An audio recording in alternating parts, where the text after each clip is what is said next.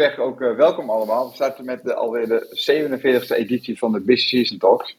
Uh, waarin we nog steeds alles bespreekbaar maken over accountancy, maar dan luchtig. We delen ervaringen, tips en leuke verhalen. We blikken terug en kijken vooruit met studenten, accountants, bestuurders, toezichthouders en iedereen met interesse. En dit is weer de eerste sessie van het derde seizoen. En ook dit jaar zijn er weer interessante onderwerpen op het programma. Waaronder vandaag uh, tuchtrecht in accountancy en ook specifiek de lerende werking daarvan. Uh, we delen de ervaring over tuchtrecht, zullen ook de lerende werking van tuchtrecht dus bespreken en de inzichten vanuit de medische wereld. En daarom sluit de Caressa ook aan. De opzet van de business talk is ten opzichte van vorig jaar eigenlijk weinig veranderd. Vandaag zal de sessie muziek al worden afgetrapt door Alex en zal de actualiteiten besproken worden door Mark.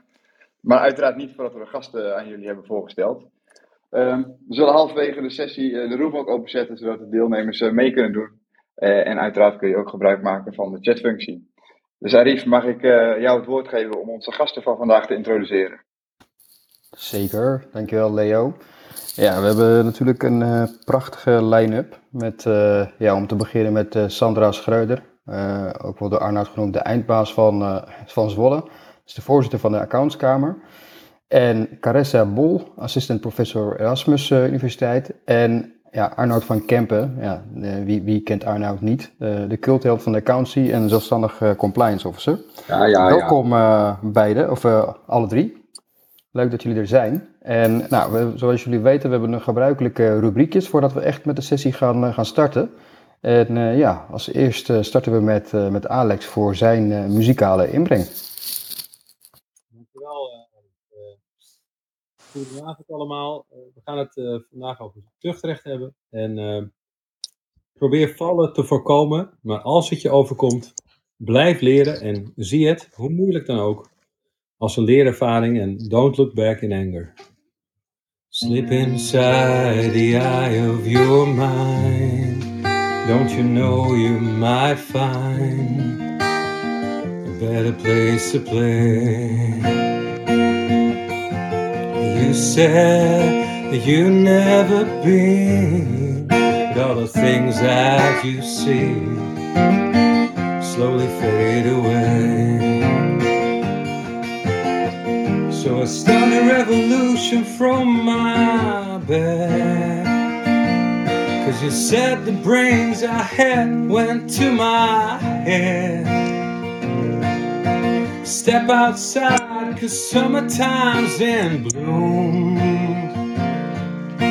Stand up beside the fireplace. Take that look from off your face. You ain't never gonna burn my heart out. Oh, oh, oh. So Sally can wait it's too late as we're walking on by. A soul slides away, but don't look back in anger. I heard you say. Oh, oh, oh, oh, oh.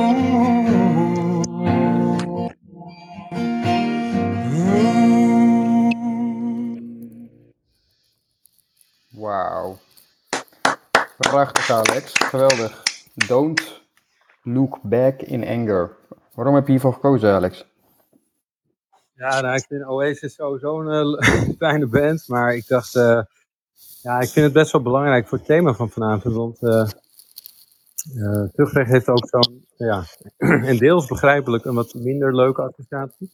Maar ik denk wel dat we ja, blij moeten zijn dat, dat we een belangrijk beroep zijn en dat we dus wel gereguleerd zijn. En, uh, en probeer van dingen, laten we dingen zo, zo, laten we zo positief omgaan met dingen als we kunnen. Uh, dus dat is eigenlijk de boodschap uh, met Don't Look Back in. Ja, ja dankjewel Alex, dat was weer geweldig. Um, en dan ga ik gelijk door naar Mark voor de ja, nieuws van de week wil ik zeggen, maar dat wordt de nieuws van, ja, van het seizoen. Nee, nee, nee, nee, nee, nee. Dat is wel het nieuws van de week. Want volgende week hebben we volgens mij een uitgebreider uh, actualiteitenstukje. Um, dus ik heb toch een beetje gekeken naar, naar uh, deze week. Maar eerlijk is eerlijk, um, het eerste bericht is natuurlijk wel iets wat ons de afgelopen maanden, terwijl er geen in talks was, uh, wel heeft bezig gehouden. Dat is namelijk de aankondiging van EY om uh, te besluiten om zich op te splitsen in twee toch allebei multidisciplinaire organisaties. Um, nou, het besluit uh, van die internationale EY-top om dat te doen, dat betekent geen keuze voor een audit-only praktijk. Daar was even wat discussie over. Um, maar EY heeft dat inmiddels in een toelichting uh, die ik mocht krijgen van Patrick Gabriels, de managing partner van, van EY Assurance. Um, en bestuurslid van EY Nederland heeft het toch wel flink verduidelijkt. Hè? hij zegt heel krachtig in het verhaal: EY gelooft pertinent niet in audit-only. Um, en hij sprak, uh, hij sprak met Chris Dauma, onze MBA-voorzitter, daarover. Gaf een goede toelichting. Uh, en hij zegt: Ja, um, we houden een, een, uh, een, nou ja, een tak waar assurance een onderdeel van is. Um, en dat is een zelfstandige tak, gericht op de CFO-agenda en op trust, zoals hij dat noemt. en dat betekent ook advisory, ook fiscale dienstverlening en een aantal andere aanvullende disciplines die gewoon van belang zijn voor de kwaliteit van de controle anno nu. Um, het is wel zo dat uh, uh, de, de audit gaat dan zo'n 60%, 70% misschien wel van die tak uitmaken. Dus heeft wel een, een hele dominante rol. Um, maar het blijft dus een, een, multidisciplinaire organisatie. En ook wel een nieuwtje, en volgens mij had ik dat zelfs in de Financial Times tot nu toe nog niet teruggelezen, is dat hij zei: de naam EY blijft ook bij die tak van, uh, van, van de organisatie. Nou, uh, de 13.000 partners van EY moeten wereldwijd nog instemmen, maar de 14 grootste member firms die zijn al door de bocht. En ja, de grote vraag die nu natuurlijk vooral boven de markt komt te hangen is: wat gaan de andere Big Four doen? Tot nu toe zeggen ze: we houden vast aan ons model, maar ik, heb, snap die uitleg van EY inmiddels toch wat beter. Dus ik ben toch heel benieuwd wat dat voor andere partijen gaat betekenen. Hè. En, Deloitte heeft inmiddels zo'n grote consultancypraktijk dat audit daar nog maar 20% is. Nou, dat is één. Uh, dan inderdaad, er werd gezegd, het is vandaag Diversity Day. Um, en in het kader daarvan heeft uh, de NBA alle vergunninghoudende accountantskantoren uitgenodigd om een diversiteitsconvenant te tekenen. Um, waarmee kantoren publiekelijk beloven dat ze de personele samenstelling van hun accountantspraktijk meer inclusief en diverser zullen maken. Nou, dat is een initiatief vanuit uh, de CER Diversiteit in Bedrijf. Um, en een van de vele initiatieven op Diversity Day. Convenant sluit daar mooi op aan. En ja, het is ook nog wel nodig. Uh, want uit onderzoek blijkt dat minder dan 20% van de topfuncties bij accountantskantoren wordt bekleed door een vrouw. En uh, maar 15% van de raden van bestuur bestaat uh, voor een derde of meer uit vrouwen. Uh, en over culturele diversiteit wordt in de, zeg maar de, transparantieverslagen nog bijna niks geschreven. Dus er is echt nog wel winst te behalen. Dus ja, twee belangrijke thema's. En ja, ik kan het niet laten het, om onszelf dan even te feliciteren als derde nieuwsitem. Want accountant.nl die bestaat uh, deze maand uh, um, precies 15 jaar. Uh, om exact te zijn, dat was op 2 oktober 2007 dat onze site live ging. Nou, dat was deze, dit jaar op een zondag. Dus we hebben dat even naar de dinsdag verschoven. Want dan zijn er meer mensen op kantoor om een taartje te helpen eten.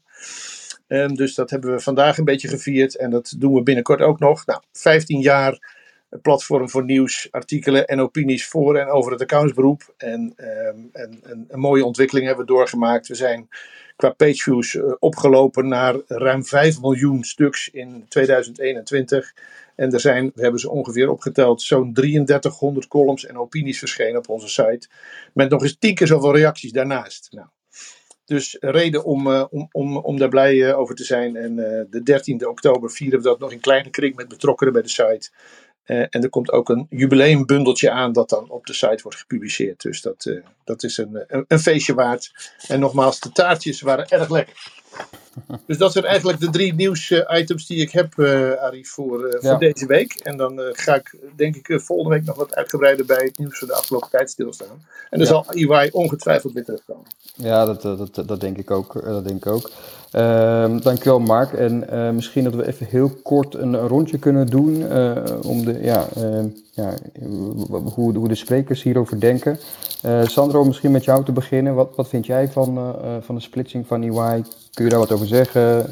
wat is jouw mening daarover? Ja, het is natuurlijk al uh, tijden een heet aanwijzer, hè, uh, wat steeds weer opkomt. Ik denk dat het op zich de positie van de auditor wel uh, versterkt. Wij zien toch nog wel een aantal klachten waarbij uh, de discussie gaat over uh, de accountant die adviseur van de vennootschap en vervolgens ook bemoeienis heeft met de controle. Hè? Hoe, hoe, objectief uh, blijf je daarin? Dus ik denk dat het niet een verkeerde ontwikkeling is. Ja, oké. Okay. Dankjewel Sandra. En, en Arnold, wat, wat, wat, wil jij hierover kwijt? Um, ik vind het vooral grappig dat het een herhaling van zetten is. Ik heb me in feite uh, de splitsing van Arthur Anderson uh, naar Arthur Anderson Accountants en Anderson Consulting gezien. Ik heb de afsplitsing van uh, de IBM-tak van PwC gezien. nou ja, noem maar, maar op. Het afsplitsen van consultants gebeurt wel vaker. En precies wat EY nu dus ook al zegt. Ja, nee, maar audit only gaan we niet doen. Dus binnen de kortste keer groeit dat gewoon weer aan. En uh, ja, zo gaat dat. Ik, uh, ik vind er niet zoveel van.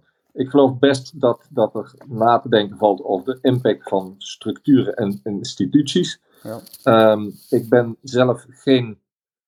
Um, ik, ik, ik ben niet van het, het, het denken in instituties. Ik, ik denk toch vooral in personen. Accountants moeten hun werk goed doen.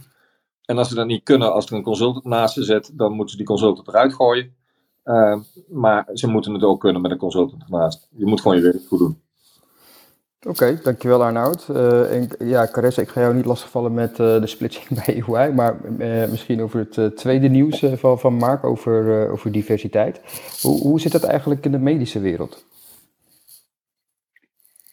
Um, nou, ik, voor zover ik um, weet, want ik ben zelf niet werkzaam in de medische wereld, maar zie je daar wel echt dat een ja, steeds groter aandeel um, vrouw is. En dat er ook steeds meer deeltijd wordt gewerkt.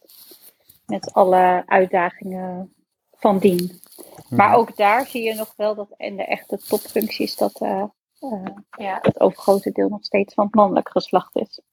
Ja. Oké, okay, dankjewel. We gaan denk ik gewoon uh, nu starten met, met, met de echte sessie. en dan ja, begin ik toch met jou, Sandra. Over, ja, je bent zelf voorzitter van de accountantskamer. Ehm, waarom, ja, misschien de eerste vraag. Waarom is er überhaupt tuchtrecht in de accountancywereld? Ja, er zijn bepaalde beroepen, hè, de accountant, de advocaat, de zorgverlener, ja, die eigenlijk zo belangrijk zijn, hè, waar, waar een verschil is tussen de kennis en kunde van, van de professional en anderzijds van de patiënt of de klant. Eh, de cliënt dat de overheid gezegd heeft van, uh, nou ja, daar, daar moet je een soort recht, terugrecht op zetten. Uh, de tovertaal die daar gebruikt wordt, de, afstand tussen de professional en de klant, het kennisverschil, de grote afhankelijkheid. En als je het hebt over gezondheid, maar ook ja, financiële zekerheid of rechtszekerheid, dan is het belangrijk dat die professionals hun werk uh, goed doen. En met dat terugrecht probeer je dus niet alleen uh, voor te zorgen dat die professional zich gedraagt volgens de normen van zijn beroepsgroep. Maar je, je wilt ook die normen ontwikkelen voor uh, de professional. En je wil ook nou ja, het exclusieve karakter van de beroepsgroep. Hè. je moet in het register staan om onder het terugrecht te vallen. Hè, daar word je ook in beschermd, want een ander mag zich niet zo accountant noemen. En ik begrijp van Arnoud dat hij er alles voor over heeft om in dat register te komen. Dus, uh, alles. Hè, uh, alles. Dus ja, daaruit blijkt maar weer dat het, dat het ook er is voor de professional zelf, hè, om, om, om bescherming te krijgen. En ja, het straalt toch ook wel, wel af op het beroep. Jullie hebben een belangrijk beroep als als accountant. Hè. Het functioneren van de maatschappij is voor een groot deel gebaseerd op het vertrouwen in de financiële systemen. En dat, dat bewaken jullie toch ook met het werk wat je, wat je doet. Ja. Uh, ja, op een heldere uitleg. Hè. Ik vond wat je zegt over dat tovertaal, daar, daar kan ik mezelf wel, uh, zeg je dat, in vinden, zeg maar. Dat dat niet altijd even duidelijk is met ja, wat wij nou doen en wat de klant dan van ons, van ons, van ons verwacht. maar als ik dan even hem concreet maak, Sandra, hoeveel, hoeveel zaken hebben we het over? bij, bij Uh, we hebben ongeveer uh, 100 uh, zaken, 100 klachten per jaar. En, en, en, en ongeveer 90% ziet op nou ja, de algemene praktijk. En 10% gaat over, dat noemen wij controleklachten, hè, waarbij of curatoren of de AFM klachten bij ons aanhangig maakt. Die gaat over de controle van jaarrekeningen. Oké, dus het zijn 100 klachten. Dat, uh, we hebben te maken met, ik denk, meer dan 20.000 accountants. Ja. Dat valt het op zich best wel mee, zeg maar. Want ik hoor ook natuurlijk verhalen van, uh, als ik het heb over tuchtrecht, dat, dat mensen bang zijn. Of, maar het, het gaat uiteindelijk wel in totaal 100 klachten. Dus dat, dat, dat, dat valt, ja. valt, valt reuze mee.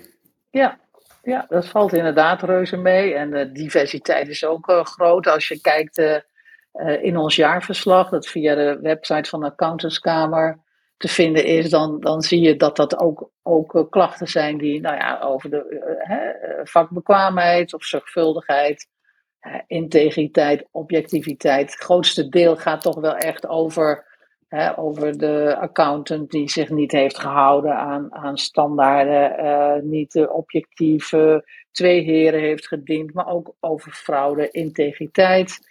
Uh, vertrouwelijkheid wordt een enkele keren geschonden. En uh, professionaliteit. En, en, het, en het bereik is eigenlijk heel breed. Hè? Want uh, ja, als accountant ben je, ben, je, ben je graag gewild hè? in allerlei nevenfuncties ook. En ja, wat dat betreft is dan steeds weer de vraag van, nou, va, va, val je dan onder tuchtrecht of niet? Hè? Als je privé uh, handelt hè, als accountant. Dat is nog wel eens een, een veelgevoerd verweer bij ons. Van ja, maar ik deed het als privépersoon. Uh, en de, de, ja, de wetgever is heel, uh, heel zich bewust geweest van nou, een accountant doet heel veel naast zijn werk, hè, waarbij hij wel zijn kennis en kunde als accountant inzet. En wij vinden dat uh, dat, dat wel onder het tuchtrecht uh, moet vallen. Dus wij, wij, wij kijken steeds van uh, de accountant als penningmeester of als bestuurder. Dan moeten wij dat als tuchtrechter ook toetsen. Ja, dat is wel goed, goed om te weten inderdaad. Dus het is niet alleen zodat je in de openbare praktijk werkt, dat de, controles die je doet, dat je alleen daarvoor in aanmerking kan komen. Maar ook gewoon dus uh, zodat je dus penningmeester bent bij een tennisvereniging, dat je daar dan uh, je accountancy uh, kennis gebruikt en hierdoor ook uh, onder tuchtrecht kan vallen. Ja, precies. Artikel 42 WAB zegt eigenlijk dat hè, de accountant ten aanzien van de uitoefening van zijn beroep, dus er staat niet in zijn directe beroepsuitoefening, daar, daar zit het linkje met dat, met dat ruime toepassingsgebied van tuchtrecht. En de accountant moet zich altijd bewust zijn als die bepaalde nevenfuncties heeft van hé, hey, pas ik hier mijn kennis en kunde toe? Hè? Ik denk de accountant die, uh, die uh, uh, in, in zijn op zijn avond, hè, waar hij zijn creativiteit hè, bezig is met schilderen en dergelijke, en hij doet daar iets geks.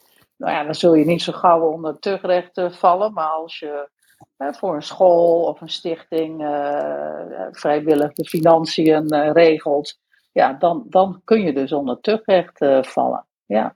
Ja, ja dat, dat is goed, goed om te weten. Dat je, als je een nevenfunctie aangaat, dat dat, dat dat het geval is. Um, ik heb een, een andere vraag die ik eigenlijk net ook aan Mark wilde stellen, want die ben ik helemaal vergeten. Misschien kan Mark het even in de chat opnemen. Hoe, ja, uh, we hebben tuchtzaken worden ook gepubliceerd. Dat zien we op account.nl onder andere. Um, ik ben benieuwd eigenlijk eh, hoe goed worden die tucht, tuchtuitspraken uh, gelezen. En dan, ja, vooral voor jou dan de vraag, Sandra. Wat is dan de reden zeg maar, van het publiceren van, van, de, van, van deze zaken? Ja, Mark, begin jij? Ja, nee, Mark, is, uh, Mark zit weer beneden, zeg maar. Dus hij, uh, ah. hij, kan, uh, hij, hij, kan het even in de chat misschien gooien van of, of het goed wordt gelezen. En, ah, oké. Okay. Ja. ja. ja. kijk, als, tucht, als tuchtrechter, wat ik zeg, hè, je legt, je legt die normen uit, die beroepsnormen. Je geeft aan van wat moet je onder dat hè, beginsel vakbekwaamheid scharen. Wanneer moet je gebruik maken van bepaalde standaarden En, en dat is eigenlijk het leereffect hè, wat je als tuchtrechter uh, wilt hebben. En dan is het mooi, vind ik, als dat zo in die column van uh, Lex van Almelo op, de, op die website wordt geplaatst. En als ik dan hoor dat het een bereik heeft van ruim 5000 of 5 miljoen, wat, wat dan, dan denk ik, nou, dat is heel belangrijk. Uh, je kunt op tugrecht.nl kijken, daar staan die uitspraken op gepubliceerd, maar met, ja, voorzien met een toelichting en ook soms een kritische noot van Lex. Uh, ja, ik denk dat dat heel mooi is voor de beroepsgroep. Wordt veel gelezen, heb ik begrepen. Dus het is echt puur voor de lerende effect, zeg je. En ik uh, zie Mark mij een appje sturen van dat tuchtzaken best wel goed worden gelezen. en het beste dit jaar ruim 3500 keer. Dus dat is uh, denk ik uh, uh, aardig, aardig goed voor. ja. ja. Het is niet altijd makkelijke tekst om te lezen, denk ik. Ik heb ook een paar keer geprobeerd om op zo'n tuchtzaak te lezen, maar dat. ja, het is lastig. Hè? Wij, wij zijn wel bezig met een, met een klare taalproject. Hè? Om, om, nou ja, om, om zeg maar heel duidelijk uit te leggen wat er nou mis was aan die zaak, waar de klacht over ging. Maar uh, ik moet zeggen, jullie jargon hè, als accountants, wat je al zei, die tovertaal, dat is toch ook wel, wel lastig om te zetten, soms in klare taal hoor. Als ik die kosten lees of die hè, handreikingen, dan, dan moet je van goede huizen komen om voor de gemiddelde derde een, een, een duidelijk verhaal te maken. Maar onze uitspraken zijn in ieder geval een stuk korter geworden en ja, toch ook wel uh, voorzien van een spoiler, hè, wat, de, wat de leesbaarheid van de uitspraken zou moeten vergroten. Dus uh, we werken eraan. Ja. Nou, wat en daarin ook best wel, uh, best wel heeft geholpen in het verleden, dat het boekje is uitgebracht, uitgeleiders, de lessen uit het accountantsrecht.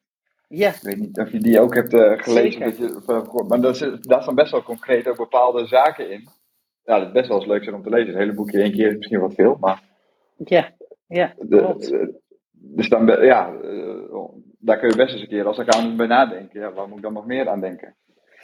Ja, en, en de zittingen zijn openbaar. We zien met regelmaat ook wel uh, accountantskantoren. Zoals afgelopen vrijdag, die hadden daar een uitje van gemaakt. Die gingen s ochtends uh, naar de accountantskamer een zitting bij wonen. En in de middag gingen ze naar een escape room. Dus dat, hoe passend wil je het hebben? En uh, ja, je, je kunt uh, inderdaad proberen om, uh, om een zitting bij te wonen, maar ook ja, lees er af en toe eens over, kijk op terugrecht.nl. En ja, het kan je in ieder geval helpen, denk ik, bij de uitoefening van je beroep. Ja, ja. ja dat is mooi. En daarover gesproken, uh, als ik ook naar jou mag gaan, afgelopen januari is er een onderzoek gepubliceerd voor jullie over het leerwerk van het tuchtrecht op het team- en netwerkverantwoordelijkheid in het tuchtrecht op grond van de wet van beroep en individuele gezondheidszorg. Nou, dat is een hele titel. Uh, maar kun je eens uh, de aanleiding vertellen van het onderzoek? Uh, ja, zeker. Dat um, was eigenlijk, um, ik denk, een beetje een vergelijkbare aanleiding die er binnen het accountantstuchtrecht is. En dat er gewoon heel veel onvrede was, of in ieder geval heel veel angst. En dan onder de beroepsgroep. Um, waarbij de ja, effectiviteit van het tuchtrecht toch wel ter discussie wordt gesteld. Omdat er um, in, in het tuchtrecht in de zorg is het in ieder geval zo dat de wetgever daar toch ook um, naast uh, een repressief doel ook een lerend effect van uit wil laten gaan. En daarvan wordt eigenlijk door de beroepsgroep gezegd van hoe kan je nou leren in een omgeving zoals het tuchtrecht, waarbij eigenlijk toch je handelen achteraf getoetst wordt. Um, en wat, wat dan wordt gedaan door een uh, rechterlijk college, waarbij we ook nog naar de rechtbank moeten, door alle metalen uh, poortjes moeten. En dus heel die, uh, die setting, die wordt gewoon als ehm, ja, niet prettig ervaren. En hoe verhoudt zich dat dan tot leren? Dus dat was eigenlijk uh, de aanleiding van het onderzoek. Ja, en je, en je zegt net al, er is er ook wel veel angst eigenlijk in jullie beroepsgroep. Uh, net hoorden we al wat cijfers in de accountancy. Volgens mij 100, uh, 100 tuchtzaken op nou, ongeveer 20.000 accountants. Weet je ook hoe dat ongeveer in de medische wereld uh, zit? Um, ja, er was afgelopen jaar waren dat er ongeveer nee, iets meer dan duizend. Um, ik moet zeggen dat het de afgelopen twee jaar is het aantal klachten in de zorg wel een stuk gedaald. En of dat nou te maken heeft met de COVID-pandemie, die voor meer begrip heeft geleid voor zorgverleners, of dat um, um, een van de maatregelen, namelijk een, de instelling van een tuchtklachtfunctionaris, of die er nou toe heeft geleid dat dat, dat aantal klachten wat is gedaald, daar, um, daar is eigenlijk nog geen onderzoek naar gedaan wat de oorzaak ervan is. Maar dat is dus ongeveer ja, tussen de 1000 en de 1100 klachten op jaarbasis. En als je dat afzet tegen het aantal um, zorgprofessionals, is dat ook echt wel uh, laag te noemen. Oké. En uh, wat zijn de belangrijkste bevindingen uit, dat, uh, uit het onderzoek? Um, nou ja, eigenlijk de belangrijkste bevindingen op het gebied van het lerend vermogen um, is dat die corrigerende werking van het tuchtrecht altijd haak zal staan op optimaal, optimaal leren van dat tuchtrecht. Maar dat er wel manieren zijn om die lerende werking te verbeteren. Maar dat je daarbij moet kijken naar hoe kan je nou het lerend vermogen voor de hele beroepsgroep um, verbeteren. En dat daarnaast ook nog eens hoe kan je dan het lerend effect voor die individuele zorgverlener die voor de tuchtrechter komt. Uh, verbeteren. En als je kijkt naar de beroepsgroep, wat ik net ook al hoorde zeggen, is dat dus de uitspraken um, uh, binnen de accountancy ook gepubliceerd worden en goed gelezen worden. Ja, dat dat um, hebben wij ook geconstateerd, dat het een hele populaire um, rubriek is, maar dat er eigenlijk aan dat, dat het vooral veel spraakmakende zaken zijn die gepubliceerd worden. En dat die misschien niet altijd het beste lerend effect hebben. Dus dat het ook van belang is om te kijken naar, um, zitten er rode lijnen in de jurisprudentie? Um, kunnen we die systematisch analyseren en kunnen we dat doorvertalen in de richtlijnen voor de beroepsgroep? Ja, dat, dat dus, gaat dan waarschijnlijk ook meer over de hele uh, beroepsgroep. Ja, ja. En net gaf je ook iets aan over de individu. En nu begreep ik ook dat in de medische wereld de, individu, uh, de individuele zorgverleners ook steeds meer in teams moeten gaan samenwerken. Ja, dat, dat klopt. Dus in de, uh, dat, is eigenlijk het tweede gedeelte van het onderzoek. Dat gaat met name over um, ja, de wrijving die je ziet tussen dat zorgverleners steeds meer in multidisciplinaire teams samenwerken. Dat de zorg steeds complexer wordt, waardoor je het niet als individu um, uh, ja, voldoende kan behappen, zeg maar, die complexiteit. Um, maar dat het afhankelijk is van de klager die zijn klacht indient. Dus dat wordt als heel erg, uh, nou ja, oneerlijk ervaren. Waarom uh, je teamgenoot wel en jij, en jij zelf dan ook, maar andere teamgenoten niet. Um, ja. Dus, dus dat, dat staat wel haaks op hoe dat, hoe dat tuchtrecht is, is ingesteld. Um, maar desondanks is het ook nog steeds op, op niveau van het individu mogelijk om van dat tuchtrecht te leren. En dat zit enerzijds zit het er in door die, door die belastende um, werking van het tuchtrecht te proberen te reduceren. Dus te kijken of die procedure toch nog, um, ja, of de setting misschien wat laagdrempeliger kan. Um, door mensen goed voor te bereiden op het bestaan van het tuchtrecht. Dat ze eens naar zittingen gaan, dat ze weten wat, het, wat er daar gebeurt. Uh, dat ze er ook meer bekend mee zijn.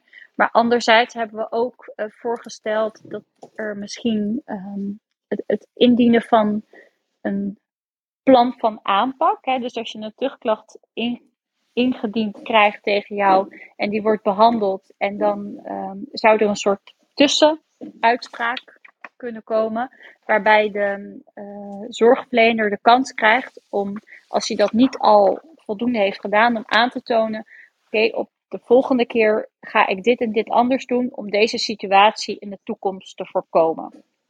Een soort uh, hoor en wederhoor ga je dan toepassen. Nou ja, dat gebeurt in principe natuurlijk toch al um, in, in de tuchtprocedure. Maar dan als er dan nog niet voldoende uh, duidelijk wordt voor het tuchtcollege wat die zorgverlener nou gaat doen om dit in de toekomst te voorkomen, hè, voor zover dat in zijn macht ligt.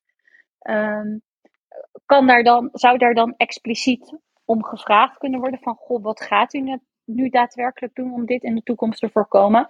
En kan er dus een bepaald plan van aanpak opgesteld uh, worden, wat dan eventueel als een soort van bijzondere voorwaarde opgelegd kan worden, um, als een soort voorwaardelijke maatregel dat je daaraan moet voldoen. Dat je bijvoorbeeld aangeeft, nou, u moet deze cursus gaan volgen. Of ehm, eh, u moet eh, de ehm, dingen die u zelf op heeft gesteld in het plan van aanpak, moet u doorvoeren. En dan blijft ehm, een maatregel voorwaardelijk. En als dat niet het geval is, dan, dan wordt die wel onvoorwaardelijk opgelegd. Ja, ja, heel interessant. Uh, als goed zijn dat ook een van de, de, de ontwikkelingen binnen de uh, wet toekomstvakantie uh, um, over dat er gedragbevorderende maatregelen gaan, gaan komen. Um, Arnoud, ik wil een vraag aan jou stellen over, over de effectiviteit van tuchtrecht en, en ja, het leren daarvan. Mm -hmm. um, een van de speerpunten van, van Zwolle is ook zeg maar, het, het vergroten van de effectiviteit van, van, van de tucht, tuchtrechtspraak. Ja. Jij kent de sector natuurlijk als geen ander. Jij hebt, ook te veel, je hebt ook veel te maken met accountants die, die naar Zwolle moeten en die jij dan baas, bijstaat. Uh, hoe, zie jij dat, zeg maar? Hoe, hoe kunnen wij de, de, de, de, ja, de effectiviteit vergroten? Ja, op zich valt dat bijstaan wel mee hoor. Ik, ik ga graag naar Zwolle, maar het is niet dat ik er nou iedere week zit. Um, ik, ik denk dat het, het maken van leesbaardere uitspraken ongetwijfeld helpt tegelijkertijd vind ik dat je ook. Um, we praten hier over een, een, een, vak, over mensen die ook wel in staat moeten zijn om juridische teksten een beetje te lezen. Dus je moet er ook een beetje moeite voor willen doen. Wat ik, waar ik heel erg in geloof, ik heb uh, met een, uh, een middelgroot kantoor, waar volgens mij Leo werkt, daar hebben we ooit de afspraak gemaakt dat alle titelhouders dat jaar een zitting van de accountskamer bij zouden gaan wonen. Dat hebben we in groepen gedaan. Dat hebben we ook in hele nauwe samenwerking met de accountantskamer gedaan. Dat werd van hun kant ook fantastisch georganiseerd. Um, en dan zijn we er met groepen accountants naartoe gegaan. Gewoon eens luisteren wat daar gebeurt. Uh, daarna ook nabespreken. Um, erop reflecteren. En dan merk je dat uitspraken lezen is, is fascinerend. Maar erbij zijn en zien wat er gebeurt is, is echt nog heel veel indrukwekkender. Um, en dat, dat verhoogt, denk ik, de effectiviteit ook. Gewoon dat je er gevoel bij krijgt van wat gebeurt daar nou. Um, maar de, hoofdzaak is toch lezen. Lees die uitspraken, probeer je af te vragen. En als je de uitspraken zelf te ingewikkeld vindt, dan lees je de annotaties van Lex, die zijn uitstekend. Um, maar zorg dat je, dat je snapt wat daar gebeurt. Het is, wij zitten in een, in een vakgebied, in een wereld met toch betrekkelijk open normen. Ook al denkt iedereen dat alles dichtgetimmerd is in de kost. Dat valt wel mee. En als je geregeerd wordt door open normen, dan heb je uitspraken nodig van je toezichthouders en van de rechter. Hoe interpreteer je dat? Wat, wat, wat, wat doe ik hiermee? Nou ja, daarvoor is het tuchtrecht natuurlijk bij uitstek geschikt.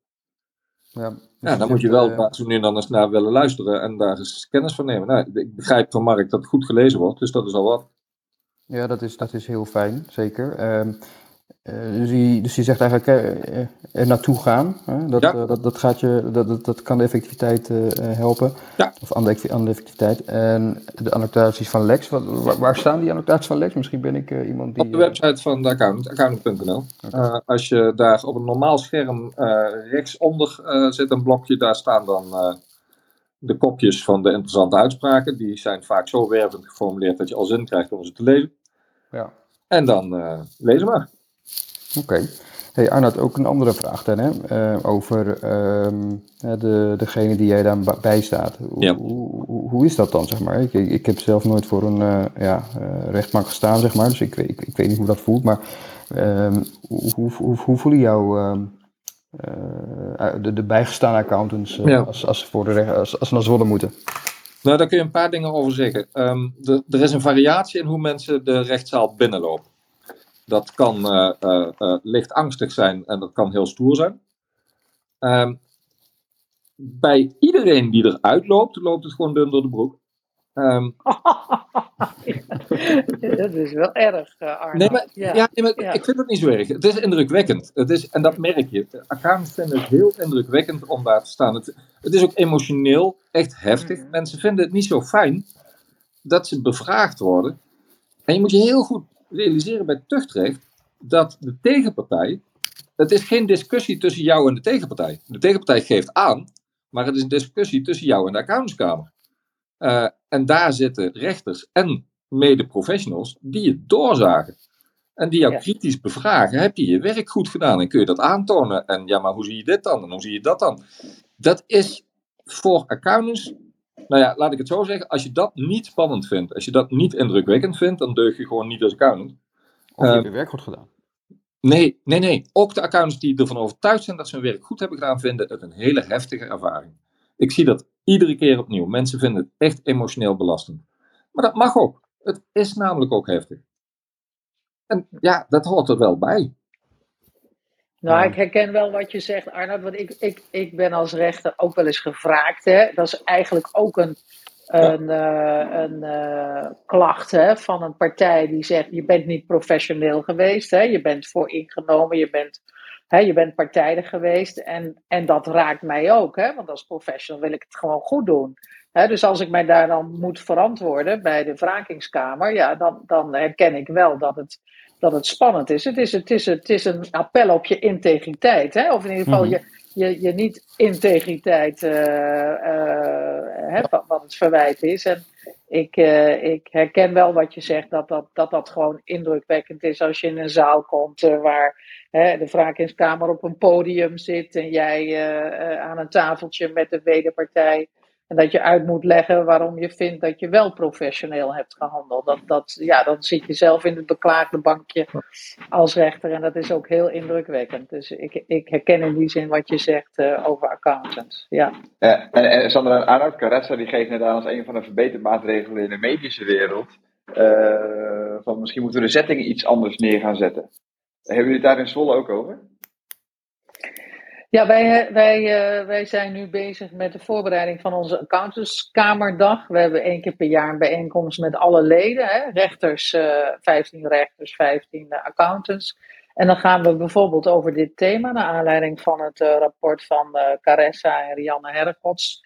Met die aanbevelingen eh, van, nou ja, die zaal, misschien is, is dat veel te indrukwekkend in die rechtbank. We hebben in coronatijd een tijdje uit moeten werken naar een vergadercentrum. En daar stonden de tafeltjes ja, eigenlijk in een soort kring. Hè? En wij merkten dat, dat je toch wel ja, een veel laagdrempeliger gesprek had. Hè? Sowieso hoeven mensen dan niet door, nou ja, door poortjes, hè, de beveiliging, fouilleren, noem het allemaal maar op. Hè, om zo'n rechtbank binnen te gaan. En, eh, en, en we zijn nu aan het kijken van, goh, is er een locatie waar je misschien laagdrempeliger, al dan niet binnen de rechtbank, in ieder geval ja, in een kring met elkaar kan gaan zitten om te praten van, nou ja, wat, wat is er nou gebeurd? Hè? Wat zijn de feiten? Hoe is er gehandeld? En, en eh, wat, wat, wat heeft de accountant hier goed gedaan? En wat is eh, niet goed gegaan? En eh, we hopen dat daarmee dan nou ja, in ieder geval een goed gesprek tot stand komt. En inderdaad niet een accountant die nou ja, zo, zo bang is uh, over uh, de, de, hele setting en wat er, wat er gebeurt, dat, dat, dat je dat goede gesprek niet hebt. Dat neemt overigens niet weg dat, dat natuurlijk een groot verschil tussen het medisch terugrecht en het accountants terugrecht is. Dat, hè, dat, dat de klagers uh, in, in de zorg zijn natuurlijk toch vooral de patiënten of de, of de directe nabestaanden, hè, de, de, kring van klagers is beperkt. En, en vaak is de insteek van, nou, ik wil niet dat een andere patiënt overkomt wat mij is overkomen. Hè. Het, gaat soms wel om een stukje genoegdoening in financiële zin, hè, maar heel vaak hoor ik, hoorde ik, want ik ben vier jaar voorzitter van uh, het Tuchtcollege Amsterdam geweest, dat, dat men zei van, ik wil gewoon een excuus van de dokter, hè, ik wil gewoon sorry uh, En, en het verschil met het accountants terugrecht is toch wel dat, ja, dat daar meestal een financieel belang van de klagers onder zit. Sowieso kan iedereen klagen, hè, tot, de, tot de buurman aan toe. Hè. Die heeft vaak niet een onderbouwing van zijn klacht, maar dat geeft maar aan dat het heel ruim is. Hè. En, en meestal draait het om, om geld. En zeker in het begin dacht ik van, goh, waarom zegt die accountant nou niet van, hè, eh, ja, dit heb ik niet goed gedaan. Uh, en inmiddels heb ik wel geleerd dat ze zeggen, ja, juist door, door dat financiële belang en die angst hè, van de organisatie, dan wel van de accountant, om aansprakelijk gesteld te worden naar de terugklacht, hè, uh, ja, dat maakt dat het er soms heel krampachtig aan toe gaat. En de accountant alle kaarten op de borst houdt, zo van, nou ja, misschien hè, wordt de klacht afgewezen, maar dan heb ik in ieder geval niks gebruikt wat misschien later bij de civiele rechter weer tegen mij wordt, uh, wordt gebruikt. En dat vind ik wel eens jammer, want eigenlijk zou je, wat Caressa net aangeeft, hè, willen praten met de accountant van, joh, hè, uh, hoe, hoe kan het zijn dat jouw objectiviteit hier in het gedrang is gekomen? Hè? Waarom, waarom heb je niet hè, uh, raamwerk toegepast, noem het maar op. En dan, dan ja, dat, dat gesprek hè, en een gesprek over, nou, hoe zorg je er nou voor dat dat in de toekomst je niet meer overkomt? Ja, en laat staan dat je het hebt over een verbeterplan. Dat, dat, dat, ja, dat, dat is er helaas niet altijd.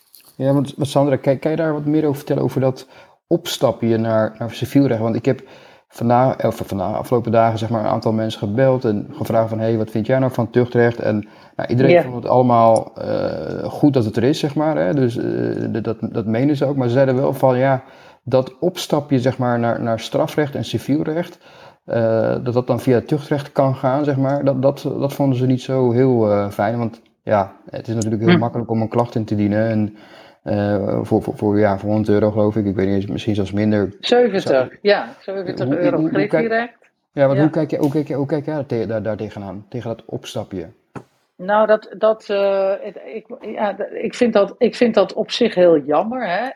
Uh, dat, uh, dat onze uitspraken, hè, die eigenlijk bedoeld zijn voor de ontwikkeling van de accountant zelf, hè, voor de ontwikkeling van de normen, dat, hè, dat mensen bang zijn om daarin mee te werken. ja, de uitspraken van de tuchtrechter, dat, dat zijn uitspraken waar de civiele rechter, zeg maar, wel van af mag wijken als het gaat om een claim, mm -hmm. hè, naar aanleiding van de fout die gemaakt is. Maar dat moet hij dan wel motiveren waarom hij van ons oordeel afwijkt. Dus, dus vaak denken klagers van, nou, als ik bij de bij de tuchtrechter al gelijk heb, hè, dan ja. sta ik eigenlijk al 1-0 voor in een civiele procedure. Maar het feit dat je iets fout hebt gedaan, wil niet zeggen dat je ook verplicht bent tot, tot, tot schadevergoeding. Hè. De civiele rechter kijkt toch altijd, is er kausaal verband hè, tussen ja. de fout en de schade van de cliënt. Hè. Dus, dus daar zit echt nog wel een grote stap uh, in die gemaakt moet worden. Maar ja, je staat, wat ik zeg, wel met 1-0 voor. Ja. Uh, als de accountantskamer heeft gezegd, uh, dit is niet goed gegaan. Dus eigenlijk zeg je Sandra van, hè, um, als je dus bij, uh, als accountant zeg maar dus voor de tuchtrechter bent gekomen en je hebt dat verloren, dan heeft dat waarschijnlijk te maken met dat je de VGBA-beginselen niet goed hebt uitgevoerd. Maar dat hoeft niet per se te betekenen van, hé, hey, um, daardoor heeft de klant dan schade geleden en dus dat dan ehm, niet per se voor de civiele rechten precies, precies. Want de stap, die de, de stap die de civiele rechter maakt, uh, is, is van heeft die accountant ook als een redelijk bekwaam en redelijk ha handelend vakgenoot gewerkt. Hè, nou, uh, als je van de accountantskamer te horen hebt gekregen van, nou ja, je hebt die VGBA niet nageleefd Dan, dan, ben je al, uh, uh, dan ben je al heel snel uh, niet bekwaam en niet, niet, heb je het al vaak niet goed gedaan. Maar de vraag is dan, de tweede vraag is dan, is door die fout ook die schade ontstaan? Heeft de klant daardoor nou schade geleden? En vaak is dat helemaal niet zo. Als je het hebt over een accountant die, die uh, uh, iets niet goed heeft uitgerekend, ja, dan, dan is het wel logisch hè, dat hij daardoor schade heeft, heeft gekregen. Hè, als je het hebt over een accountant die meerdere partijen heeft bijgestaan, dan is maar de vraag van, van heeft de ander daar dan ook schade door geleden? Dus dat moet hij dan altijd nog hard maken bij de rechter. Dus dat wil inderdaad niet zeggen dat je dan ja, dat je dan eigenlijk al uh, uh, verloren ja. hebt, hè, de ja. civiele procedure. Ja. Mag, mag, ik daar vanaf de andere kant nog iets aan uh, schetsen? Um, ik heb nu al vaker meegemaakt dat je bij een kantoor een klacht krijgt van een curator of van een klager, die in feite zegt: betaal nou maar, want anders krijg je een tuchtklacht. En dan maak je gewoon de afweging. Niet gaan we die tuchtklacht verliezen, want misschien ga je die wel verliezen, omdat je zelf ook wel ziet, ja, er zijn dingen fout gegaan. Maar dan maak je inderdaad de afweging, maar heeft dat de schade veroorzaakt die hier geclaimd wordt? En ik heb al een aantal keer meegemaakt dat je dan zegt van, nou ja, vriend, ga toch lekker naar tuchtrecht. Dat is niet leuk. Uh, dat is ook duur overigens, want je hebt toch de kosten van een advocaat en kost tijd en negatieve energie. En zeker als je weet, we gaan toch verliezen, dan is dat niet fijn. Maar dat je toch zegt van, ja, dat, dat doen we dan maar. Uh, want vervolgens bij de civiele rechter zijn we helemaal niet zo bang. Want je gaat het helemaal niet spits krijgen dat je ons de schuld van jouw schade kunt uh, toerekenen. Ja, klopt. Zie, zie je dat ook terug in, in, in de medische wereld eigenlijk, Caresse? Want ik hoorde Sandra net zeggen van de patiënt wil eigenlijk alleen sorry. Uh, maar dat opstapje, zeg maar, zie je dat ook terug in de medische wereld? Ja, dat is er zeker wel hoor. Maar misschien dat dat in mindere mate aanwezig is dan in de, in de accountancy. Ik was laatst toevallig zelf nog, uh, want wij doen hetzelfde met, um, met onze studenten. Wij gaan ook geregeld naar zittingen van tuchtcolleges. En ik was laatst zelf toevallig nog bij een zitting waarbij de patiënt het zelf ook aangaf van ja, ik heb eigenlijk dit, ik wil eigenlijk dit oordeel hebben dat, dat, dat, dat er verkeerd gehandeld is, zodat ik daarmee naar de civiele rechter kan. Maar de toets die daar plaatsvindt, die is eigenlijk hetzelfde als wat uh, Sandra net schetste. Um, ook daar is het helemaal niet gezegd dat, dat het oordeel van de tuchtrechter ook betekent dat je um, ja, civielrechtelijk aansprakelijk bent. Alleen ik, misschien speelt het daar een iets minder grote rol uh, in de medische wereld, omdat je um, daar de gedragscode uh, openheid bij medische incidenten hebt, uh, waarbij de aansprakelijkheidsverzekeraars allemaal expliciet hebben afgesproken dat het toe toegeven dat je iets verkeerd hebt gedaan als zorgverlener niet automatisch betekent dat je ook uh, aansprakelijk bent. Dus waardoor er al in een eerder stadium met patiënten wordt gesproken over een fout die is gemaakt. En dat dat dus niet pas bij de tuchtrechter op tafel hoeft te komen. Maar het juist kan voorkomen dat je überhaupt bij de tuchtrechter komt. Ja, en uh, uh, als ik me goed heb ingelezen, dan is het indienen van een tuchtklacht in de zorgsector nog laagdrempeliger dan de accountancy. In ieder geval als het gaat om, om euro's. Want volgens mij was het 50 euro als ik me niet vergis. Ja, dat uh, klopt. En dat is ook nog niet zo heel lang zelfs. Dat voor, voorheen was er überhaupt geen geld in de zorg. Zo. Maar je schrijft ook over dat patiënten dus eigenlijk geen directe toegang moeten hebben tot het tuchtrecht, maar ze het via de inspectie moeten laten lopen. Om zo ook de belasting van de artsen te verminderen. Wat zou daar ja, de voordelen van zijn? Um, dat, dat, is, dat heb ik in het kader van mijn uh, eigen promotieonderzoek geschreven. Um, wat daar het voordeel, mijns inziens, van, van zou zijn, is dat um, de klager in het tuchtrecht, dat is echt bijna altijd een leek. Bijna altijd de patiënt of de naaste of de nabestaande. En zelden klaagt de toezichthouder. Uh, en dat heeft als gevolg dat er ook klachten tussen zitten die er eigenlijk misschien niet thuis zouden horen. Klachten die niet goed onderbouwd zijn. Um, en klachten waarbij je dus af kan vragen: is de belasting voor de zorgverlener pro proportioneel? Um, dus ik denk dat, dat een, een professioneel orgaan, zoals de um, uh, toezichthouder, dat die dat veel beter zou kunnen doen. En ook als je kijkt naar het doel van het tuchtrecht, namelijk bewaken en bevorderen van de kwaliteit van de beroepsuitoefening, um, dat je je af kan vragen of je dat nou wel bij een individuele klager kan beleggen, die last eigenlijk. Ja, en tussentijd zien we ook dat het uh, 12 voor 9 is. Dus we willen ook bij deze de groep opgooien. Dus als je iets uh, uh, wil inbrengen, laat ons gerust weten. maar Carissa, dan blijft de volgende vraag daar ook op.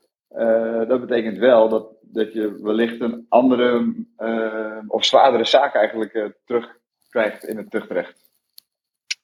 Nou ja, dat is maar de vraag. Hè? Want de inspectie is nu in de zorg ook al klachtgerechtigd. Alleen maken ze van die bevoegdheid gewoon heel weinig gebruik. Um, en ik vraag me ook af of het beleggen van um, de, de, het, zeg maar het vervolgingsmonopolie bij de inspectie tot aanzienlijk meer zaken zal leiden. Misschien tot iets meer. Um, maar ik denk dat in die zin de, de voordelen opwegen tegen de nadelen. Ja, en waar ik wel benieuwd naar ben, ik zie ook een vraagje in de chat uh, van Rolf Dauma. Uh, en ik denk dat die eigenlijk wel zo toepassing is op de medisch als de accountants teruggelegd. Dus ik ben eigenlijk wel benieuwd naar de visie van zowel Sandra als Caressa. maar is het de drempel eigenlijk niet veel te laag om een terugrecht te starten, of terugzaak te starten?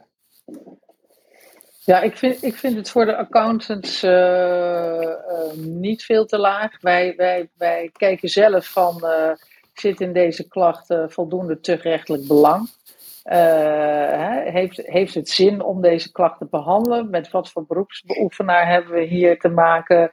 wat is de klacht? En ik kan als voorzitter een voorzittersbeslissing nemen als ik denk, ja, dit is, dit is eigenlijk een klacht die geen enkel doel dient. en met de nieuwe wet die er aankomt, uh, wordt dat nog, nog, nog effectiever. Hè? Want dan, als ik als voorzitter de deur dicht hou, dan moeten ze naar het CBB, hè? De, het College voor Beroep en Bedrijfsleven, om daar nog proberen iets te, te bereiken. Dus, en ik denk dat klagers op zich, hè, als je kijkt naar de toezichthouder, wij hebben, wij hebben weinig klachten van het OM en van de AFM. Van AFM is een enkel klacht in controlezaken. Van het OM is een keer als er fraude uh, is gepleegd. Dus, dus je moet het ook wel van die klagers hebben, vind ik. Dat zijn eigenlijk ook een soort van toezichthouders. Hè? En als je de slagboom maar niet te snel openzet, maar kritisch kijkt van nou, welk belang dient dat nou, dan, dan ben je denk ik al een heel eind. Ja, ja snap ik. En Caressa, heb jij daar ook een visie op vanuit het medische?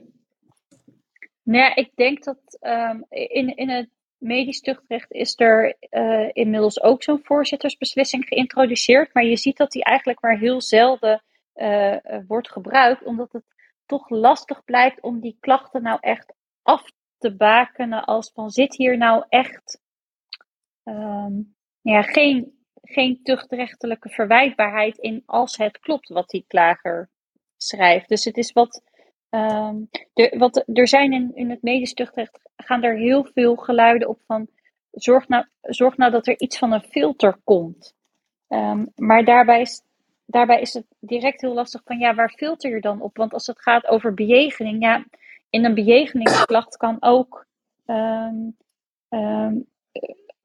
informed consent zitten, wat niet goed uit is gevoerd, bijvoorbeeld. Of als het gaat over, over de rekening, kan het ook zijn dat er echt um, financieel niet integer is gehandeld. Dus het is heel lastig om te af te bakenen van wat doe je dan wel en wat valt er dan wel onder en wat valt er dan niet onder. En in het, tuchtrecht in de, in de zorg is het eigenlijk zo dat, dat een klacht alleen maar bij voorzittersbeslissing afgedaan kan worden als die echt um, kennelijk niet ontvankelijk is of kennelijk ongegrond. En dat moet dan wel echt heel evident zijn. Ja, dat, uh, ja, dat snap ik. Uh, ja, en... Je hebt hetzelfde probleem in de, in de WTRA. Toen die geschreven werd, ik gaf dat voor acht uur al aan, de oorspronkelijke versie was, we doen alleen maar klachten over wettelijke controles. En dat had er alles mee te maken dat het ministerie vond dat de tuchtrechter niet belast moet worden met allerlei flauwekulklachten. En dus zit er in de huidige versie van de WTRA al de mogelijkheid om de echte flauwekul eruit te filteren. Maar je hebt precies datzelfde probleem in het accountstuchtrecht. Hoe bepaal je wat echte flauwekul is? Ja, dat is heel erg lastig. Dat, ja, uh, ja de, wij hebben er ook wel over nagedacht van, kan je dat dan, moet je, dat, moet je daar dan een soort van voorportaal voor maken? Iemand die, die in een stadium voordat die klacht bij de tuchtrechter terechtkomt, daar dan al naar gaat kijken. Maar wat je dan eigenlijk doet, is gewoon die procedure, die, die, die toetsing eerder plaats laten vinden. Uh, waarbij je mogelijk die procedure nog verder uh, oprekt en verlengt. Waardoor die misschien wel nog belastender is. Dus het is eigenlijk alleen maar verplaatsing van een toets die toch wel plaats moet vinden. Ja, en in, in de chat wordt er ook gevraagd, en wellicht uh, aan kun jij daar ook antwoord op geven? Ja, Leo, Alex is er op zich, dus misschien uh, met Alex eerst kunnen en dan uh, als ja, Alex naar boven. Hij kan proberen ook naar boven te komen, maar ik kan uh, ja, dank, naar boven halen. Dank, goed, mooie sessie, belangrijk onderwerp. Ehm, Sandra, jij noemde net een, een wet die eraan komt. ga je die misschien wat nader duiden? Ik dacht dat die ging, als ik het goed heb opgelet, over uh, ja, filteren van misschien klachten die helemaal niet in het doel uh, vallen van, uh, van ja, wat beoogd is met het tuchtrecht, ook wat Arnoud net uitlegde. Mm -hmm. welke wet, dus kan je, zou je de, de, misschien voor de luisteraars kunnen uitleggen wat je, welke wet er dan aankomt en wanneer en wat precies het doel is? Ja, die wet toekomst accountancy sector, waarin ook hè, over de, bij de audit over die quality indicators, daar, daar zit ook een stukje over tuchtrecht in. Waarbij uh, onder andere uh, de maatregelen die wij als terugrechter op kunnen leggen, een waarschuwing of een doorhaling, En daarbij wordt ook de mogelijkheid gegeven om geen maatregel op te leggen. Dus dat je zegt, nou het is niet goed gegaan, maar hè, we hebben er allerlei vertrouwen in dat je, dat je het in de toekomst niet meer doet. Dus we leggen jou geen maatregel op. Maar ook uh, bepaalde gedragsbevorderende maatregelen kunnen we opleggen. Hè? Dus, dus dat we zeggen coaching, of dat we zeggen je mag geen uh, controles meer doen. Hè, dus dat kan heel ver gaan. Nou, daar gaan we ook op onze accountantskamerdag over praten van aan wat voor maatregelen we denk, denken we dan. Uh, maar uh, uh, het, het, voordeel is ook dat ik zeg maar voor, dat, voor die zaken waarvan ik denk, terechtelijk moeten wij hier niks mee, omdat een klager een klacht ja, helemaal niet onderbouwd heeft, of het is een soort, soort stalking van de accountant met klachten. Dat we heel snel kunnen zeggen van ja, dit is een situatie van misbruik of Hè, dit dient geen enkel terugrechtelijk belang. En dan kan ik als voorzitter de klachten buitenspel zetten. En dan kunnen ze dat laten toetsen door het CBB. Dus dat komt ook de effectiviteit van het terugrecht uh, ten goede, denk ik. Hè, door daar kritisch naar te kijken. En ik ben het eens met Caressa dat je niet te snel een klager buitenspel moet zetten. Maar uh, over het algemeen hebben wij klachten die ook door een advocaat of een curator worden ingediend. Maar er zijn ook ja, klagers bij die niet zoveel verstand hebben, hè, die die achterstand hebben ten opzichte van de accountant. En wat dat betreft zou ik eens met de MBA in, in gesprek willen van, goh, is het zinvol dat er bij jullie, hè, net zoals in het medische, een, soort terugklachtfunctionaris hè, bij de MBA, een soort vraagbaak wordt uh, opgericht waar mensen die een klacht willen indienen, uh, terecht kunnen. En, en dat kan bijvoorbeeld ook al behulpzaam zijn door te zeggen: uh, Nou, uh, dient u een klacht in bij de klachtencommissie of bij de Raad voor Geschillen, want het gaat u om de factuur. Dus dat je eigenlijk al een soort bewegwijzering krijgt via zo'n terugklachtfunctionaris bij de indiening van klachten. Ja, wat ik wel mooi vind, uh, dank Sandra, want uh, het leuke van die Season Talks is, uh, ik mag er dankzij Arie van Hakan sinds sessie 3 bij zijn, yeah. is dat er, dat er ook bruggen worden ge gebouwd. Hè? Want dat zijn, we hebben sessies gehad waar soms twee compleet uiteenlopende sprekers in de sessie worden uitgehouden, die, die hele andere visies hebben, maar dat er aan het eind of tijdens de sessie wordt gezegd van nou, ja, kunnen we niet in overleg dit en dit oplossen? En dan ontstaat er echt, ja, bijna magisch moment in de accountancy. Maar ik neem deze opmerking van jou uh, met, met uh, open armen aan. Ik ga dit met mijn collega uh, bestuursleden bespreken. En wie weet kan hier wat moois uitkomen. Want als dat kan helpen in, dit, ja, in, het, in, de, in het nog mooier maken van ons beroep en effectiever. Dan lijkt het me dat alleen maar een goed idee. Dus dank Sandra. Okay, okay. Wij behouden dan contact, denk ik. Zeker, ja. Nou ja, dat was het mooie van het rapport, vond ik, van, van Caressa en, en Rianne.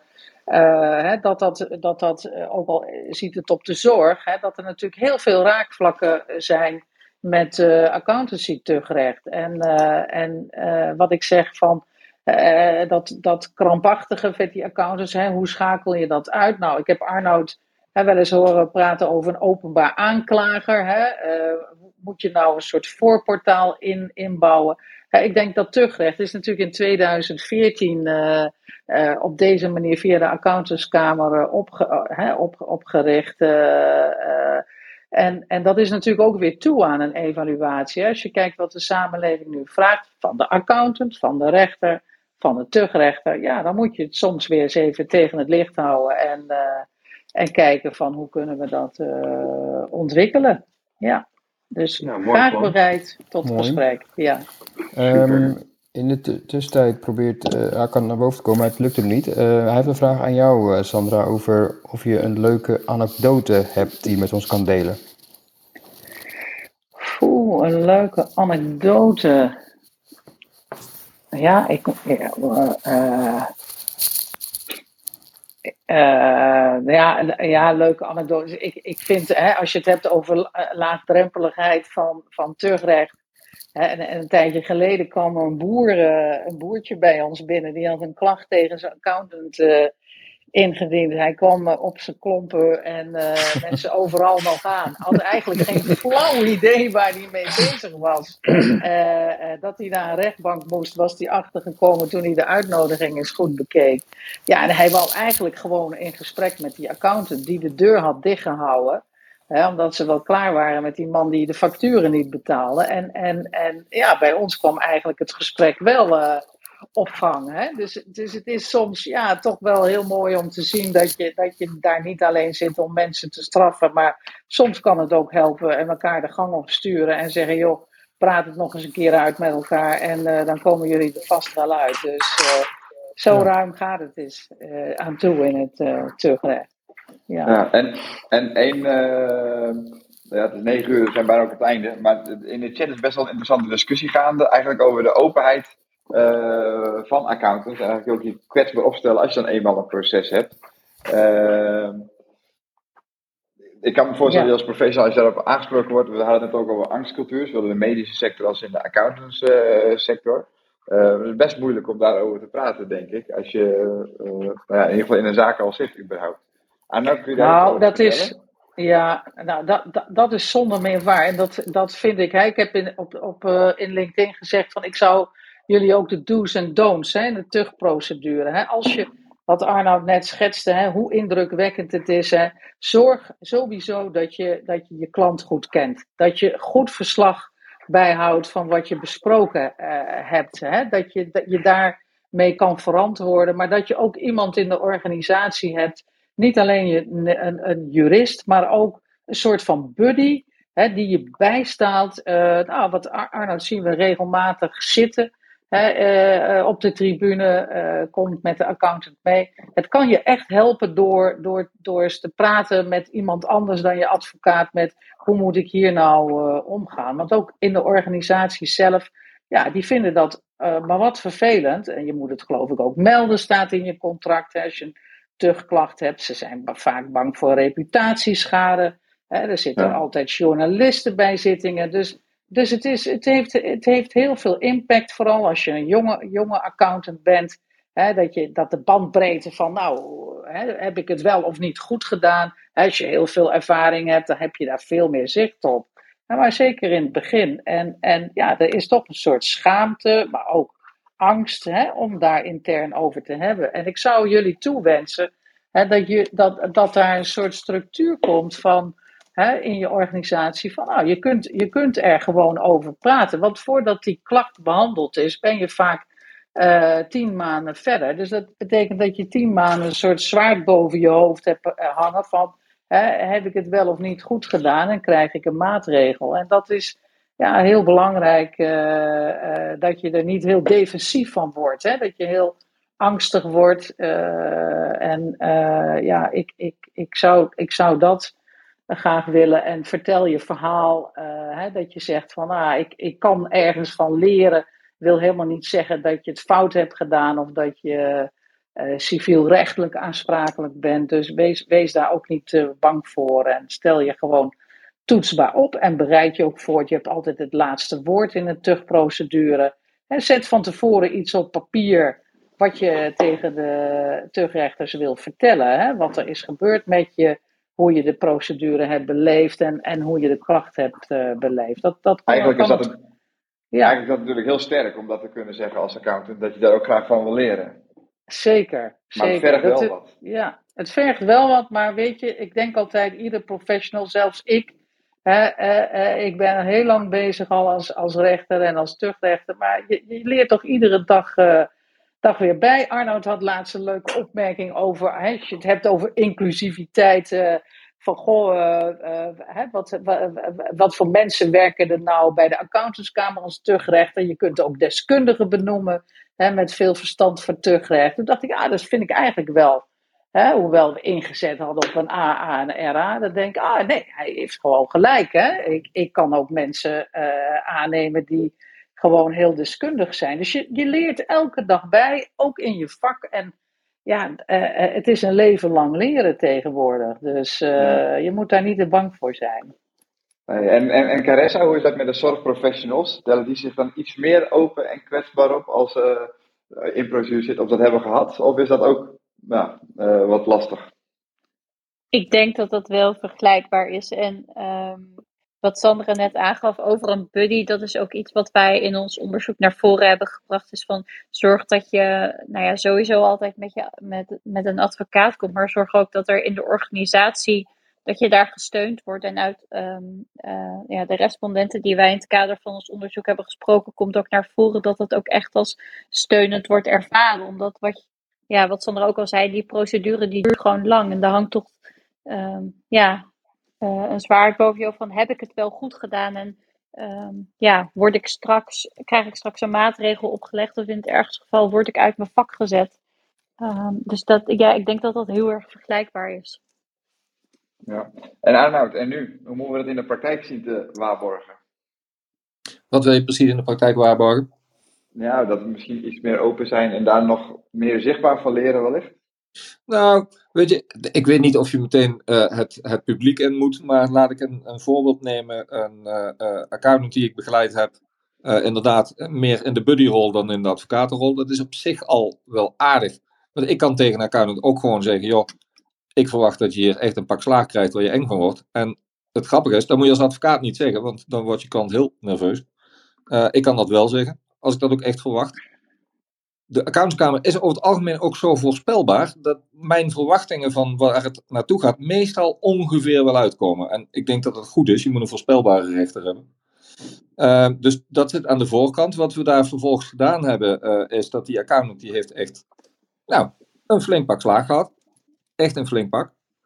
En vervolgens hebben we binnen het kantoor, dat is dan niet, niet publiek helemaal naar buiten, maar wel binnen het kantoor. En het ging om best een redelijk groot kantoor aan die accountant gevraagd: vertel je verhaal nou eens aan de collega's. Ga tijdens een vaktechnisch overleg voor de groep staan en vertel wat je hebt meegemaakt. Vertel hoe je het ervaren hebt, vertel wat je eruit geleerd hebt, vertel wat we er als kantoor van moeten leren. En dat is gebeurd. Dat vond die accountant best een dingetje. Maar uh, dat is ongelooflijk goed gevallen. Um, vanuit het kantoor, uh, de collega's, ook, ook echt jonge assistenten die kritische vragen durfden te stellen. Dat vond ik ook heel goed. Maar uiteindelijk is daar dus heel veel van geleerd. Omdat er um, lessen voor de hele praktijk uit te trekken waren. Mensen onder de indruk waren van zo'n verhaal. En dan denk ik, ja, dat is dat. Oké, het is dan niet voor het hele beroep. Wat je misschien in theorie zou willen. Maar het is op zijn minst wel voor dat kantoor. Voor de hele controlepraktijk van dat kantoor. Echt een waanzinnig goede les geweest. En dan denk ik, dan kun je ook als accountant er uiteindelijk vrede mee hebben dat je, ja, je hebt een pak slaag gehad, maar je weet ook dat dat terecht was. En, en je hebt daar zelf en met je club iets uitgehaald, iets positiefs uitgehaald. Ja, als je dat soort ervaringen hebt, dan, dan word je ook makkelijker met erover praten. Dan hoop ik niet. in het, in het verlengde van wat je zegt, Arnoud, ik ben wel benieuwd eigenlijk. Want Sandra, heb jij, wat, Ar wat Arnoud zegt, hè, heb je wel eens, is misschien een lieve vraag, maar uit interesse. Heb je wel eens meegemaakt dat een accountant die eerst uh, ja, een straf of een maatregel heeft gehad, uh, dat dan jaren later dat hij zegt van nou, uh, ja, ja, ik ben toch eigenlijk met hindsight, dat ik bijna de accountantskamer nog bedanken, want het heeft wel mijn ogen geopend. Of is dat echt te utopisch? Heb je zoiets ooit meegemaakt, dat iemand eigenlijk je nog bedankt achteraf? Uh, ik heb het bij de accountants nog niet uh, meegemaakt, eerlijk gezegd. Uh, ik, ik, uh, ik, ik, ik denk dat jullie wat dat betreft in de beroepsgroep nog wel een ontwikkeling te gaan hebben. Ik heb het in het medische wel meegemaakt. Hè? en, maar daar heb je natuurlijk ook een andere cultuur van omgaan met, met fouten en calamiteiten. Hè, er wordt veel meer aan intervisie gedaan. Het, het, het wordt, wordt, wordt veel vaker besproken. Ik las, ik sprak laatst een zorgbestuurder en die zei: uh, als een, een, dokter een fout heeft gemaakt hè, en een terugklacht krijgt, dan bespreekt hij dat uh, um, ziekenhuisbreed. Dus tijdens de vergadering van alle artsen hè, presenteert hij zijn, casus, hè, vertelt hij wat er fout is gegaan. En hij zegt, die openheid, ja, die, die, die, die willen wij ook. Hè? Want een fout onder het tapijt vegen in de organisatie, hè, daar leert niemand wat van. Dan gebeurt het nog een keer. Wij willen juist die openheid om, om, uh, om te bewerkstelligen dat anderen ervan leren. Hè? Uh, we zijn verzekerd, zei hij. Uh, er wordt toch betaald, hè? dus daar hoeft die dokter niet bang voor te zijn. Maar uh, ja, het, het, het, vraagt wel wat van je. En, het, en ik denk voor zijn eigen ontwikkeling is het heel goed als hij dat uh, ja, stafbreed uh, durft, te vertellen. Dus, dus daar zie je nog een andere cultuur van omgaan met, met fouten. En vergeet niet, er zijn natuurlijk ook accountants die frauderen en die moeten gewoon uit het beroep. ja, en die zullen daar niet blij mee zijn als de accountantskamer ze doorhaalt. Maar dat is ook onderdeel van ons werk, dat je mensen begrenst en zegt van, uh, ja, jij bent, niet, uh, jij bent het niet waard dat je in dit, uh, dit mooie beroep werkzaam blijft. Dus, ja, absoluut. en ja. zeker, zeker. En over begrenzen ook gesproken, het is inmiddels negen over negen. We zijn iets over tijd, maar ik vond het echt heel interessant eigenlijk. En daarom met name ook, nou, dat we iets over tijd zijn. En, ja. en, interesse is ook omdat er eigenlijk nog weinig van, van bekend is. Uh, maar goed, ook ter afsluiting, uh, wellicht en dan wil ik eigenlijk met Sandra beginnen, dan Caressa en dan Arnoud. Zo mooi is als jullie nog één korte laatste tip hebben voor onze luisteraars. Nou, ik, ik, ik wens jullie toe, uh, hè, blijf professioneel kritisch. wees niet defensief, maar wees ook zeker niet, niet naïef als accountant.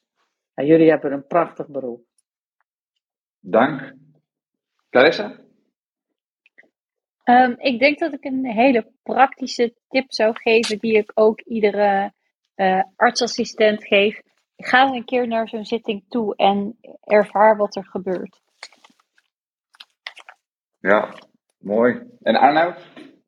Ik uh, citeer graag uh, mijn favoriete paus, die bij zijn aantreden, dat was Johannes Paulus II, bij zijn aantreden tegen de gelovigen zei: Vreest niet, ik denk dat dat een hele belangrijke basishouding voor accountants is. Ook als het om tuchtrecht gaat. Niet bang zijn. Echt niet bang zijn. Ja, ja erg gaaf. Dank uh, Sandra, dank Teresa en dank Arnoud uh, voor jullie inbreng. Uh, dank luisteraars ook via deze weg. Volgende week gaan we het meer hebben over de actualiteiten. maar een kleine dank ook eigenlijk voor de voorbereidingen aan Irene Kramer. Want nou, zonder, zonder jou hadden we ook veel meer nog moeten voorbereiden, Arif en ik. Uh, en even dank ook voor de samenwerking uh, richting deze podcast.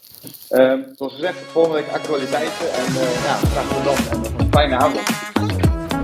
Fijne avond. Fijne avond. Fijne avond.